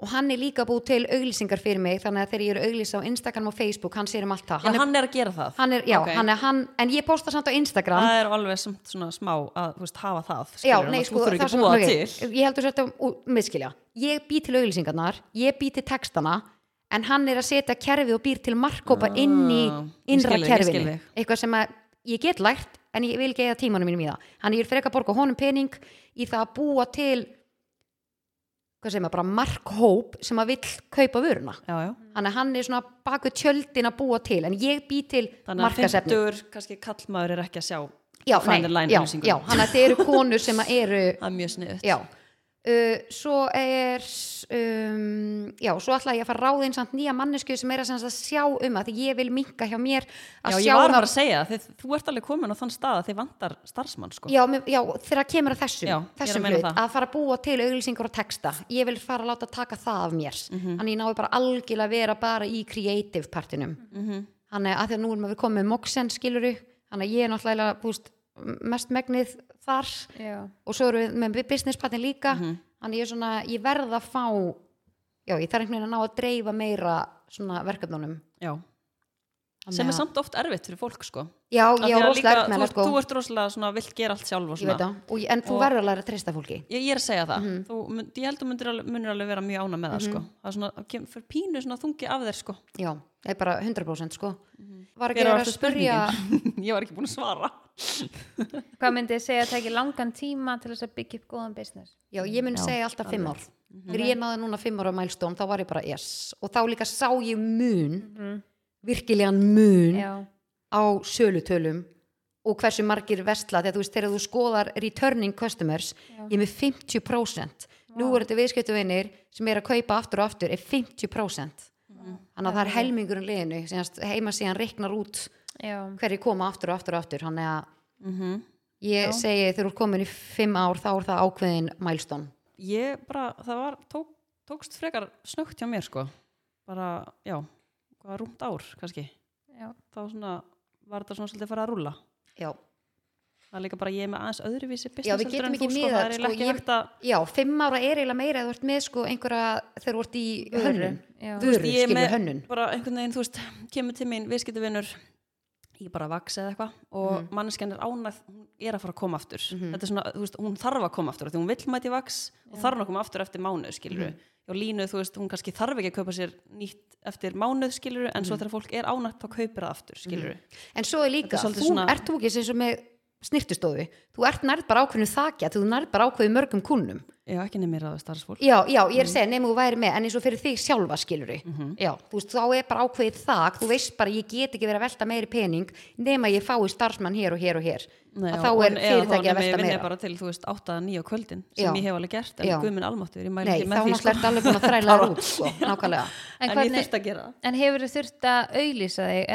var þetta bara svona word of mouth? Sko, þetta var rosa mikið word of mouth og svo bara samfélagsmiðlar. Einhvern veginn, það er bara svo ótrúlega auðvelt að auglýsa á samfélagsmiðlum Já. og það er svo einhvern veginn, það virkar rosalega vel. sjúklega vel ef við förum í spurningu hérna er besta auðlýsingin í business alltaf áhrifavaldur ef ekki, hvað þá? sko, ok, ég ætla bara að spyrja ykkur, flettið þið blaðinu eða? Nei. Nei. Ég þekki engan sem vaknar, fæði sér bolla og fletti bara blaðinu. Það litar eiginu hjá mér Fólk fer bara inn á, þú veist, fólk skoða bara fréttinnar í símanum. Jú. Eða ekki? Jú. Er þetta bara ég, ok, kannski 50 eitthvað pluss, Já, já, fletti já, já. blaðinu. en ekki Ég er að tala okkar um okkar, markkóp já. þú veist, eins og markkópurinn hjá mér endar, jú, á stofunni er alveg all, mjög breyður. En ég einhvern veginn bara, já, ég myndi segja að það myndi virka rosalega vel að auðvitað á samfélagsmiðlum og líka bara það að það er hægt að velja sagt, hvaða, hvaða fólk þú vilt að sjá í Mhm. auðlýsinguna þeina eins og Egil er að auðlýsa, ekki núna, hann hefur verið auðlýsingunum Facebook Mhm. og þá getur valið, þú veist, markkópin sem sér þetta Mhm. sem er mjög sniður Sko. og svo er líka ótrúlega sniðugt að auðlýsa í podcasti Mhm. uh, ef það er eitthvað sem á við, pendar uh, og svo líka, já En þegar þú talar um sko að að auðlýsa á samfélagsmiðlum, hefur ekkert sem að nota áhrifavald, bara manneskjur sem hefur bara, á ég fór í brúnir eða vakstil, gurjar og gegja, eða með sponsor Já, dads. lima, lima Máli er að þegar ég bara byrjaði með stofuna þá auðlýsti lima fyrir mig. Já. og lima bara áhrifavaldur í starfi. Og fannstu, og Já, ég var í vinnu hjá henni G. Já, Já, það virkaði rosalega vel og ég er ennþá með fólk sem að er ennþá að koma til mín eða veist, ekki núna því ég er ekki að vinna Já, en einmitt. Já, en sem, væri í að, vinnunni. sem að sá, sá þetta hjá línu að því að, þú veist, að því að svo mæti fólk skilur eftir að hafa séð eitthvað svona og fílar þetta Þá veistu bara, þá er Þá er manneskjan að koma að koma aftur og aftur. aftur og aftur. og hún segir Já. öllum frá því. Já. sem og segir öllum með. frá Já. því en svo líka, þú veist, mæti kannski manneskjan og bara nei, þetta er ekki fyrir mig og þá bara allt í góðu skilur Algjörlega. það er bara, Þú ert nefnilega businessi þinn, er mitt þannig að þú veist, þú veist bara að það var meiri líkur á því að fólk sem kemur til þín og þetta er snirting Já. þú verður að viðhalda Já, já, ef- verður hefur gæsalappa. áhuga á því, já, algjörlega, þess að segja innan gæsalappa að þá veistu Stína, mér langar að segja svona 90% líklega að koma til þín aftur já, skilur því að er líka bara með minn business, þú veist, þegar það fara frá mér þá gef ég þeim nýjan Já, tíma, nýjan tíma. Já. rúlla bara endalust en svo er líka, þú veist, maður þarf líka að passa, skilur, þótt að maður sé með kuna sem er að koma aftur og aftur og maður veitir er að koma aftur og aftur, þá maður samt má maður ekki, þú veist, missa dampin í bara að veita góða þjónustu Nei, Nei. það má og, aldrei og bara glatast Mhm. f- fullt af hlutum sem maður þarf að hugsa um sem maður þarf að halda áfram að viðhalda þú getur ekki að hugsa bara, já, hann kemur hvað sem er aftur þú, veist, Já. þú er að vera, hérna, vera meðvitaður um að sért að veita góða 100% þjónustu sammála að því að þjónusta skiptir ókslega miklu máli. En varðandi áhrifavalda markasetningu hún sko skítvirkar. En þú þarft að vera með réttan áhrifavald. Já. hann þarf að passa við vörumerkið. Þú þarft að vilja vi- vinna með honum. Hann þarf að vilja vinna með þér. Og, og þarf að fíla hvað, það- hvað þú ert að gera. Bara 100% það er líka bara skín í gegn. Að, og svo finnst mér líka sko áhrifavaldur þarf ekki að vera með 100.000 fylgjendur eða 10.000 mér finnst líka geggja að geta unni með einhver sem er 1500 fylgjendur 500 fylgjendur Bara eitt samkomi sjálfur sér, Já. það skilir sér alltaf. algjörlega, þannig að ég myndi klálega alltaf nýta þannig að það sé win-win fyrir báða aðila. Já, algjörlega, sammála. Klárlega Ok, sko, það var rosa, þegar ég fór að lesa í gegnum þetta, það var rosa mikið að sömu spurningunum, Já. bara í svona mismunandi já, mismunandi Formi. formi. útfæslum. Já. en hérna stendur, hver, hvernig eru besti leiði til þess að auðlýsa sig, verði vera sínileg og fólk finnu fyrirtækið.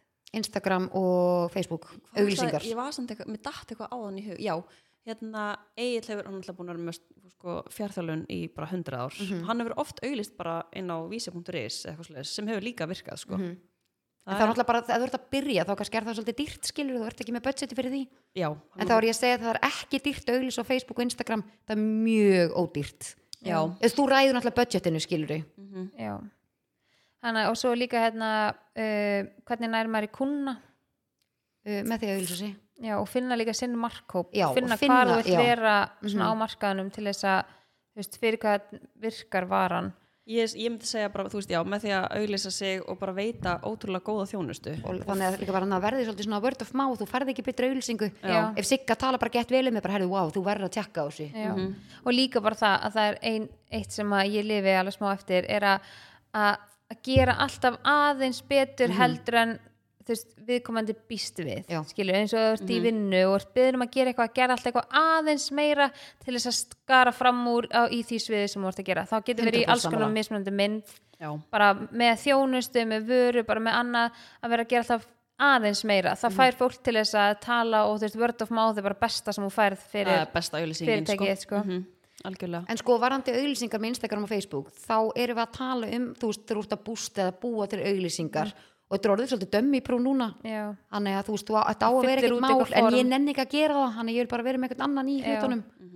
Ég stið og það. þú getur bara, og þú getur bara svolítið ráði hversu mikið budget, þú getur með þess að auðlist fyrir 5 skall, 10 skall já, ég held ég sé að eða einhverjum 150 skall á mánuði í Instagram og Facebook auðlýsingar og það er að skila mér ógislega miklu. Þú sér þá líka sko bara skilar mjög miklu. það skilar mjög miklu, veist, ég sé bara því sem ég eigði og þú getur fengið fullt út úr sko meira bara 5, 10, 20 það er líka bara you have to spend money to make money 100% Það er sem og þetta er eitthvað oft. sem að fólk má ekki gleyma Nei. þú verður að eigða pening til að búa til meiri og pening líka bara eigða pening í þá fá áhrifavald til þess að auðlýsa Mhm. eigða pening í auðlýsingar á fleiri stöðum og þú veist, eigða pening í að kaupa aðra vörur eða stækka markaðin eða og það versta sem þú gerir er að auglýsa þig ekki þú getur ekki verið með fyrirtæki og ekki verið að auglýsa þig já, þú Já, verður að að- vera með markaðsbudget til þess að vera með markaðsmál og líka bara þú veist þótt að gangi vel að þá er alltaf mjög gott að minna á sig Já, og líka aldrei bara pa, já, passa staðningi Já. og þú veist, frekar að halda áfram Og gefa í. og gefa í já, mm. og sérstaklega ef boltinni fyrir að rúla eins ekki hætta að auglýsa þá Mhm. Nei. þá ert ekki, þú ert ekki aldrei að hugsa bara, wow, ég er komin á þennan stað, ég er bara góð. Nei, versta sem þú getur það er gert. líka því að fyrir er líka bara að byrja af hverju hætti ég að sjá hana þetta? Ætla að sé bara hætti. Já. ætla að gangi ekki eins vel? En það er þú veist, en þú veist e- fyrirtæki hugsa kannski akkurat öfut skil, bara, ég er komin svo góðan stað, ég þarf ekki að auðlýsa eigða peningi þetta. Versta sem þú getur hugsað. Já, en svo er líka loka spurningina er hvernig nær maður í umboð ekki nema vil ég bara minka kúnana en þá hættir að auglýsa Já, nei, það, svo er það náttúrulega líka skil, þú ert komið leið, þú ert komið ógeð Já, ekki ógeð, bara svona kannski getur ekki tekið fleiri Já, Ég hef oft lendið því að þarf ég að get bara ekki sig. tekið fleiri kúna, Já. geta ekki Mhm. og þá hef ég verið að pípa auðlýsingarna niður sko. ég ger þetta nákvæmlega saman þegar ég var að sjá um pantanir sjálf fyrir Define Line árið fóttu Gorilla ég hætti bara auglýsa þegar ég var bara komið þetta var bara mikið fyrir Já. mig þannig ég var bara neitt að draga úr auglýsingum en sem leiði fóttu Gorilla að dreifa álæginu að þá get ég verið að einbytta meira að markasmálum skilur, þá er þeir að sjá um hitt. Bara var að koma með nei, ég bara, ég tengi ógíslega þarna líka. En já, þetta voru skemmtilegar Já, hvað pælingar. var eftir síðasta? Ég heyrði þig ekki. Já, já, við höfum til að svara því. Eh, hvernig fær maður umboð fyrir vöru? Já, bara e-mail samskipti. Já, það er bara nummer 1 og 10 Herru, ég sendi e-mail fyrir ekkert svo lögur síðan á eina vöru til þess að ætla að reyna að fá umboð fyrir henni eða svona aðeins að grænslast fyrir. Mm -hmm. Erlendmerki og þú erst búin að segja mér þetta ekki, er jú, þetta ekki ég held að jú, jú. ég ætla ekki að nefna Nei. hérna neina en þess að fyndi að þá fekk ég sérst svör og þau bara svona til ég að skoða og svo bara eitthvað, já, og mann ætla að tala þetta voru mjög stórt brand sko Já, það getur verið rosalega erfitt að Já. fá þetta þurfa að vera sko. mörg e-mail og ég fekk alveg bara, já, talaði við þennan og svo talaði við þennan og það sögðu alls sitt og hvað og eitthvað Mhm. og svo bara, já, það er í ferli að það er sérst fyrirtæki að fara að taka þetta vörumerki inn og Já. ég eitthvað, já, ok en svo svo fyndi að svo sé ég vörumerkið og það er ekki verið að gera neitt fyrir það og ég hef geta gert svo miklu meira og ég skil ekki ekki í fyrirtækinu sem tók við þessu akkur það hefur ekki samband við mig. Já, einmitt. eða hvort þau viti að ég hafi reynt að fá þetta skilur já. og vilja þess vegna ekki hafa samband við mig. Þetta er ógstlega fyndi Ég sko. segi, þú hafa sambandi þau. Ef að þú. Já, en þá er er ég líka smá svona búin að missa áhugana þetta er eitthvað sem ég hefði viljað gera Já, já. ég hefði viljað getur ekki bara tekið við umbóðinu Ég hef oft Já. fengið hérna, skilabóð bara, herðu, ég er að hætta með þetta, viltu taka við umbóðinu Þú kannski, þetta virðist allan ekki verið eitthvað í einhverjum blúsandi gangi allan ekki með við sko samfélagsmiðl og annað sem þetta væri mjög sýnilegt á Ég samfélagsmiðl segi og hendi meili og, og spurði hvort þú getur ekki bara tekið þessa 10 kíló af öxlunum á þessum Já. sem er með þetta. Nákvæmlega, Þetta er ekki er, bjarga aðeins já, að þetta er stórt fyrirtæki sko. Þú veist, þetta er heildverslun sko, tók þetta. Ég veit hvað að merkjast að Já, tala Já. ég veit það líka. Nú hlustu þetta bara, þú verður að segja. En ég það er finn svona- það. En sko það er einn punktur sem ég vil líka segja við fólk að þegar þú ert komin ákveðin á ákveðin stað. Og eins og ég var að tala um núna þegar þú ert að segja að þú vilt minka og auglýsa að þú getur ekki tekið meira að þér að þegar ég var að pakka til dæmis pöntunum sjálf, mér fannst það ógustlega gaman í byrjun svo var að byrja að hafa meiri svona kvöð fyrir mig að því ég var í svo mörgu Þetta öðru. var svo mikið já, hann að þegar ég fann að þegar ég auglisti þá kannski þurfti ég að græja svo ógislega mikið og ég var bara svona, ok, ég hans að kvíla þetta sitt og ís að því ég get ekki verið í öllu. Já. hann ég fann, ok, ég var með budgetið til þess að geta farið yfir til eins og vöruhúsið hann að sko allar vöru frá Define Line eru í vöruhúsi þeir sjá um að taka á móti öllum pöntunum taka þær upp uh, setja þær upp í hillur uh, taka sama pantanir og að dreifa þeim út, að láta Já. senda þær Þannig að þarna er álag ógeðslega mikið farið af mér en ég get fara að einbytta með meira markasmálum og bara sem bara Að og bara. já, að leif Já. einmitt þannig að þú staðnir í svolítið en þú þarft svolítið sko að, að því ég var alltaf hrætt um hvað ef eitthvað klikkar við þeim að það verður aldrei klikkar neitt hjá mér Já, já. Þannig að, en þú þarft að taka líp og feið og treysta á aðra Mhm. og eins og þeir með þessa þjónustu Egil sendi ofta á hann bara lína, ertu ekki tilbúin til að koma, vilt ekki koma, vilt ekki Já, koma og svo endanum var ég bara, hva, eftir hverju er ég að býða Já. þú veist, núna er bara hann að ég tók einmitt sem ég bara líp og feið gagvart mér, Mhm. af því ég vil vera inn í öllu en ég þarf svolítið að læra að let go og treysta öðrum. Nei, þú og, líka bara getur ekki allt sko. Nei, ég Þú veit ert það. ekki með sko 40 sólaringa, nei klukkutíma í nei, sólaringnum það er bara málið. Og þú ert ekki bara með endalösa orku í að gera allt einn, það bara meikar engan sens. Og ég fann líka, sem ég langar líka flustundu vita, að ég fann um leið ég fór til þau, þá fór business minn á allt annað level.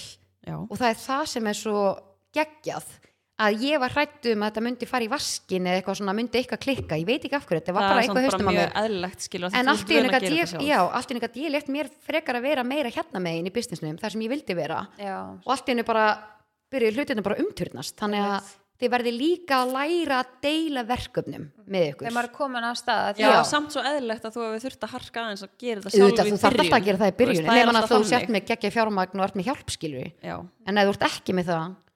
veist, Eins ert og að maður byrja svona sjálfur. smátt og smátt veist, og þá er alveg eðlilegt að það sé pínu ströggli í byrjun sko. algjörlega. En mér langar að segja að ég er útrúlega stolt af ykkur sem vinkona báðum tveim fyrir það sem þið gert. Takk sérstaklega Thank you og- Sollu. Já. Sollu, Sollu, Sollu. og líka bara, líka bara eins og með þú veist, lína með Define en samt að gera þetta hérna þú veist það sem við erum í stúdíónu og með sólglirun og, og sagði okkur ekki svona frá þínum bara, herri já, hérna ég ætla að sína ykkur pröfur og búin að gera sólglirun og við bara, ha og Það bara svona öll önnu verkefni sem hún er með eitthvað en mér langaði að segja að ég er mjög stolt þær og Thank you, bara thank allt sem you. hún gera því að ég veit að þetta krefst mikillar vinnu að ég er mjög stolt takk fyrir ert Takk fyrir. lima Takk, stelpur. það.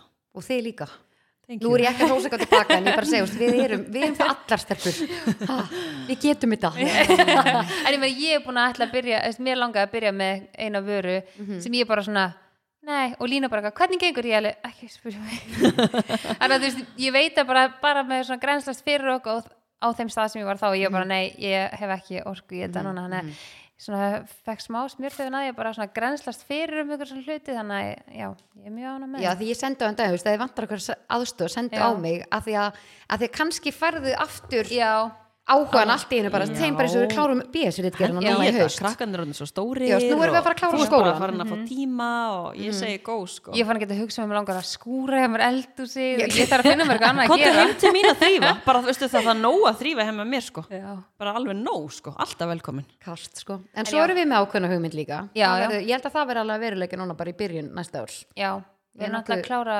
skólann BS, fyrst. já, Já, ég er líka með, ég er líka með hugmynd. Já, já. Ég var búin, ég var að- ég var að segja það við þig. Já ég reyndi að Ég- þess að grænslast fyrir þig. ég er að þetta er aðeins erfiðara en ég held Þetta er mjög erfitt sko. Já, ég, ég, hérna, Ég ég, ætla þarf að ræða þetta hans Ég við ætla þig samt að gera þetta. Já, Ég bara finn það. 100% já, en ég var að henda Það er okkur í turn off já Er síðasti líðu þáttarins. Já, ég er með ógæslega fyndið turn off Ok, og hvað er ég það? byrja? Úff. þegar þetta er að kast það er ógæslega mikið turn off að sorpa opni í hádeginu. Já, af hverju opna hún klukkan ég 12 sammálaðir. en byrju, akkur opnum svona seint? Ég veit það ekki. Vá, þetta er svona svona tíu? tíu já, veistu hvað ég líka bara hef oft keirt í sorpu Já. klukkan svona tíu? Já, með geggjaðu tími bílinn. að fara klokkan tíu. Og er alltaf bara búin að gleyma því að hún opni tólf. Já En og, bara, og það er alltaf bara röð bara 500 í tólu, bara fólk búið að býði röð bara náðu þau ekki hindinu, opniði fyrr. Mér finnst þetta líka bara eins og með smárlindina hún opnar 11 já, Þú veist, Ég vöknu klukkan 7 sko. Já, já, já. Þú langar bara að vera kringlan búin að gera eitthvað fyrir þú veist 11 já, ég fíla ég, kringlan já, opnar tíu, ég það fer er betra snemma í Já. kringluna sko. Já, en þú veist, já, ég veit ekki. Með, eins og ég var að tala um enn daginn með hagkaup og getur ekki kiftið meik bara því klukkan er orðin 6 Já. og þú mátt Já. ekki fara inn fyrir eitthvað hlið. Já. nei, sko hlið, það er alveg band. Já, er það er rosa alveg svona steikt, band. Sko. en þú Já. getur farið í sorpu þá. Nei, ég veit ekki það Ég er ekkert eðla sammálaður sko. Já, nei ég bara, ég veit ekki hversu oft ég ég ég, ég held að þetta drægi úr því að fólk vilji flokka og fari sorpu. Já, Sammála. það er bara svona Þetta, þetta, er ekki, þetta er ekki hvetjandi, fólk fer bara í næsta gám og hendur sig í rusli heima og sér bara, einn enn ekki að flokka. Ég, þess að sorpaði brópin frá 12, skilur ég held að það sé, já ég held að það myndi sjá mikinn mun ef að fólk myndi Þetta er bara, fyrir. þetta ætti bara að opna 7 sko. Já, ég meina um, eins og fyrirtæki og annað, meina vantilega þegar þau fyrir sorpu og er þau bara að býða með starfsmanni eftir hátismat er þau til að kíkja sorpu? Einmitt, Vá, þetta er alveg Þa- þetta er galið sko. Þannig að já, ég er búin að býða spennu þetta er gott törnof já, Takk. Man ég hvað mitt var. Hvað tók með Á, ég hendi mitt? Já, hendi mitt. sko turn off Já, já, man hvað ég var með. Nei, sko, þegar þú ferð óvaksaður að neðan til kvennsjútumalæknis mér finnst það ekki næs Nei. Ég sé hans þurfti skyndilega að henda mér hérna til kvennsjútumalæknis Nú, og ég var ekki búin að vaksa mig. Og ég var alveg, jæja, en ég sá, Akkur ég skyndilega að henda Já, það. og ég, hérna, kemur fyrir. Nei, og ég var hérna með bara glentarfætur eins og maður er veitir þið, og ég, sá, og ég var svona að fylgjast með honum. Varst alveg vel glend. já, vel glent, sko. Mhm. og, og hann var svona Þú fílar að vera glend. já, byttu, byttu, sko og, og svo, svo fyndi ég var svona að pæla í hvernig hann væri Hvað hann er að horfa á? Er að horfa á. En vá hvað þeir eru professional. Þeir eru þetta er svo fyndið þegar maður pælir í Og ég þessu. segi svolítið, gæjanum gæti ekki verið með samhátt sem það hár en í raskatinu ég bara, ekki, nei, sko. bara 100% en maður er bara svona hann er bara að pæla í þessu. Hverju á hann að vera að pæli? nei, ég bara segja þú ferð til pensutmálafnis og láta tjekka því, skilur þú veist, að þá er hann bara, þú veist þú, fatti hvað ég er að meina? Hann er ekki svona skoðar Nei, ekkert eitthvað svona, skoða eitthvað meðfram með að þú veist eitthvað fæturnar. Nú var hann fatti ekki að skoða hann svona innan á lærunum hvort þú er loðin þar. Hvert ferði í vaks? Herru, ég er farin að vaksa mig sjálfa því að uh, Guðrýður er ekki farin að vinna ennþá. Ég, Held ég, ég myndi ekki vaksa mig sjálf, ég væri þá bara eins og loðma Ég, ég verði alveg að segja ykkur þess að sögu fyrst við erum að tala um þetta. Ég fór einu svona til kvennsýðumalegnis og ég fekk komment á það að ég væri vöksuð. Leiðilegt komment. Leir, ég var bara svona Já. að vera að dæma þig Já. Ha?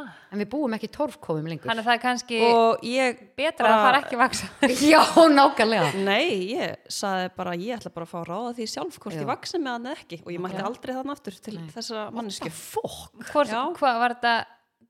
var það kona? Það var kona, Já. já. Nei, líka bara þetta kemur henni ekki við Nei, sko. ég held að myndi, ég held að bara mætti ekki einu svona kommenta á þetta Þetta er mjög Þetta var- þetta, þetta var líka svona, ég var sko bara 17 eða eitthvað Já. Þú veist, bara sem betur fyrir var ég með munum Ra- fyrir neðan nefið. Rakastýr er ekki rétt eða vart ekki með hár. En það er bara alls ekki rétt. Þú mátt bara gera svo vilt. Nákvæmlega.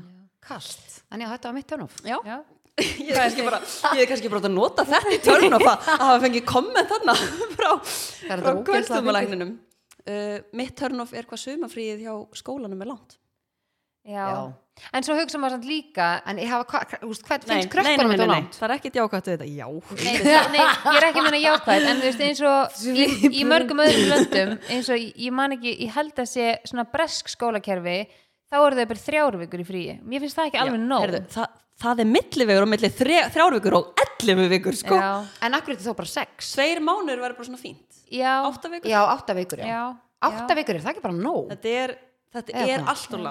það bara allt og langt sko. þau eru líka sérstaklega mér finnst þetta kannski mætti skiptast eftir skólastíði eins og núna fyrsta stíði, yngsta stíði mætti alveg vera í stittra fríi heldur en úlingarnir já, Já, sem úlingur má þetta alveg, þeir hafa Já. mjög gott að þeir bara kvíla sig, sko. en samt sem áður þá þú veist eins og í svona bresku kerfi eða þú veist, man ekki, nú er ég að tala með raskatina en einhver önnur svona skólakerfi sem eru bara með þryggja eða fjóra vegna sömufrí þau fá miklu lengra páskafrí og jólafrí þannig að þetta er svona jafnast jafnast út þannig eins og börnin okkar er vist ekkert í eitthvað það löngu jólafrí en mér fannst hann tvær vikur í páskafríinu alveg Meiri nóg. slatti sko Já.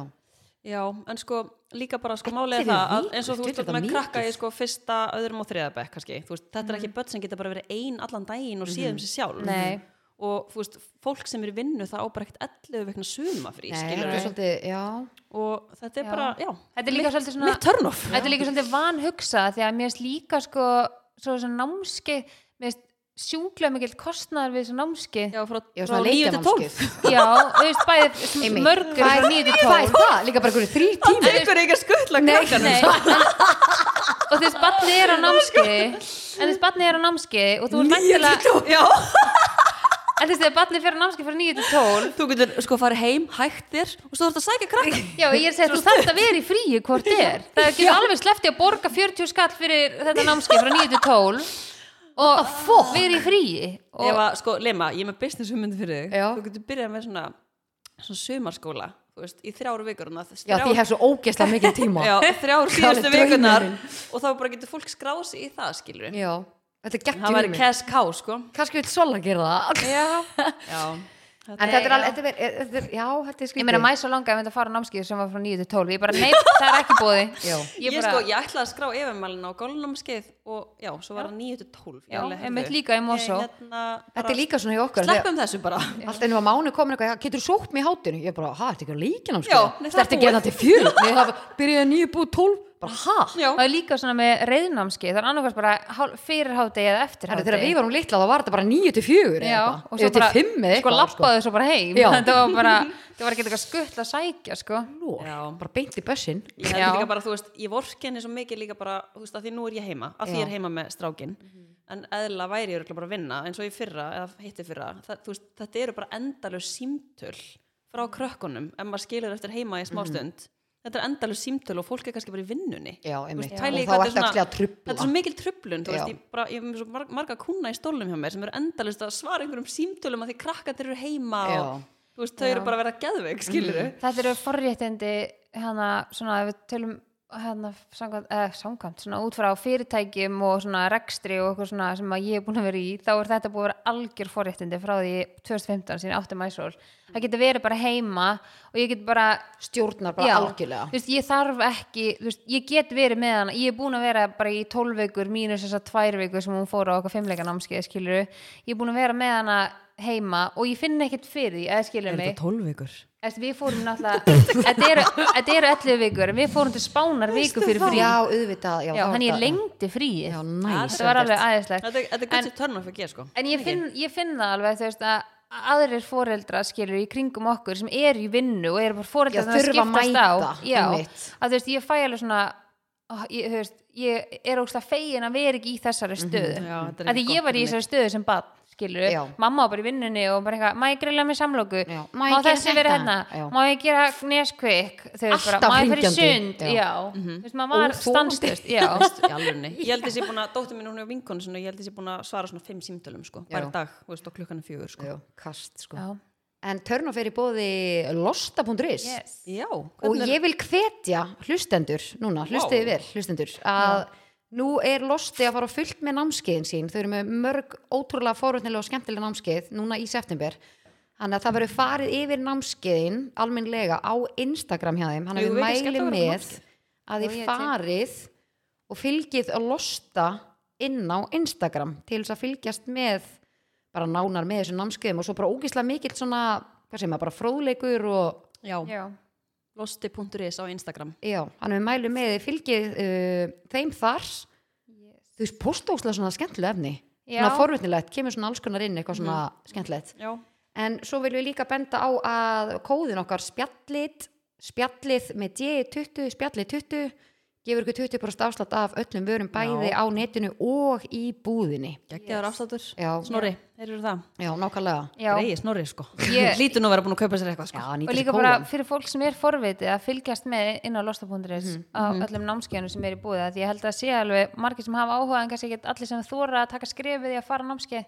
Ég held að líka fylgjast gaman með. að fara kannski vinkonuhópur eða Já. þú veist vinir og okkur svona að fara á svona námskeið saman. Já. Algjörlega. Að því hún var alveg að fara minni þegar við fórum í heimsóknum daginn þá var hún alveg að fara yfir námskeiðin sem hún býður upp á.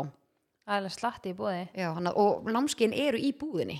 Eigum við að fara á námskeið með okkar vinahóp Ég er er til í bara það. Bara. Prosecco Já, og, og bara gera eitthvað svolítið svona úr þessu. bara námskeið og hún líka er svo og, ógeðslega næs. Já, ég til. Og mér finnst líka gaman að sjá mikil alveg svona ágætti svona umferð í búðinni. Það var alveg svona mm. greinlega fólk er alveg Það líka var að bara vesla í búðinni. Stöðugur strömmur Já, sko.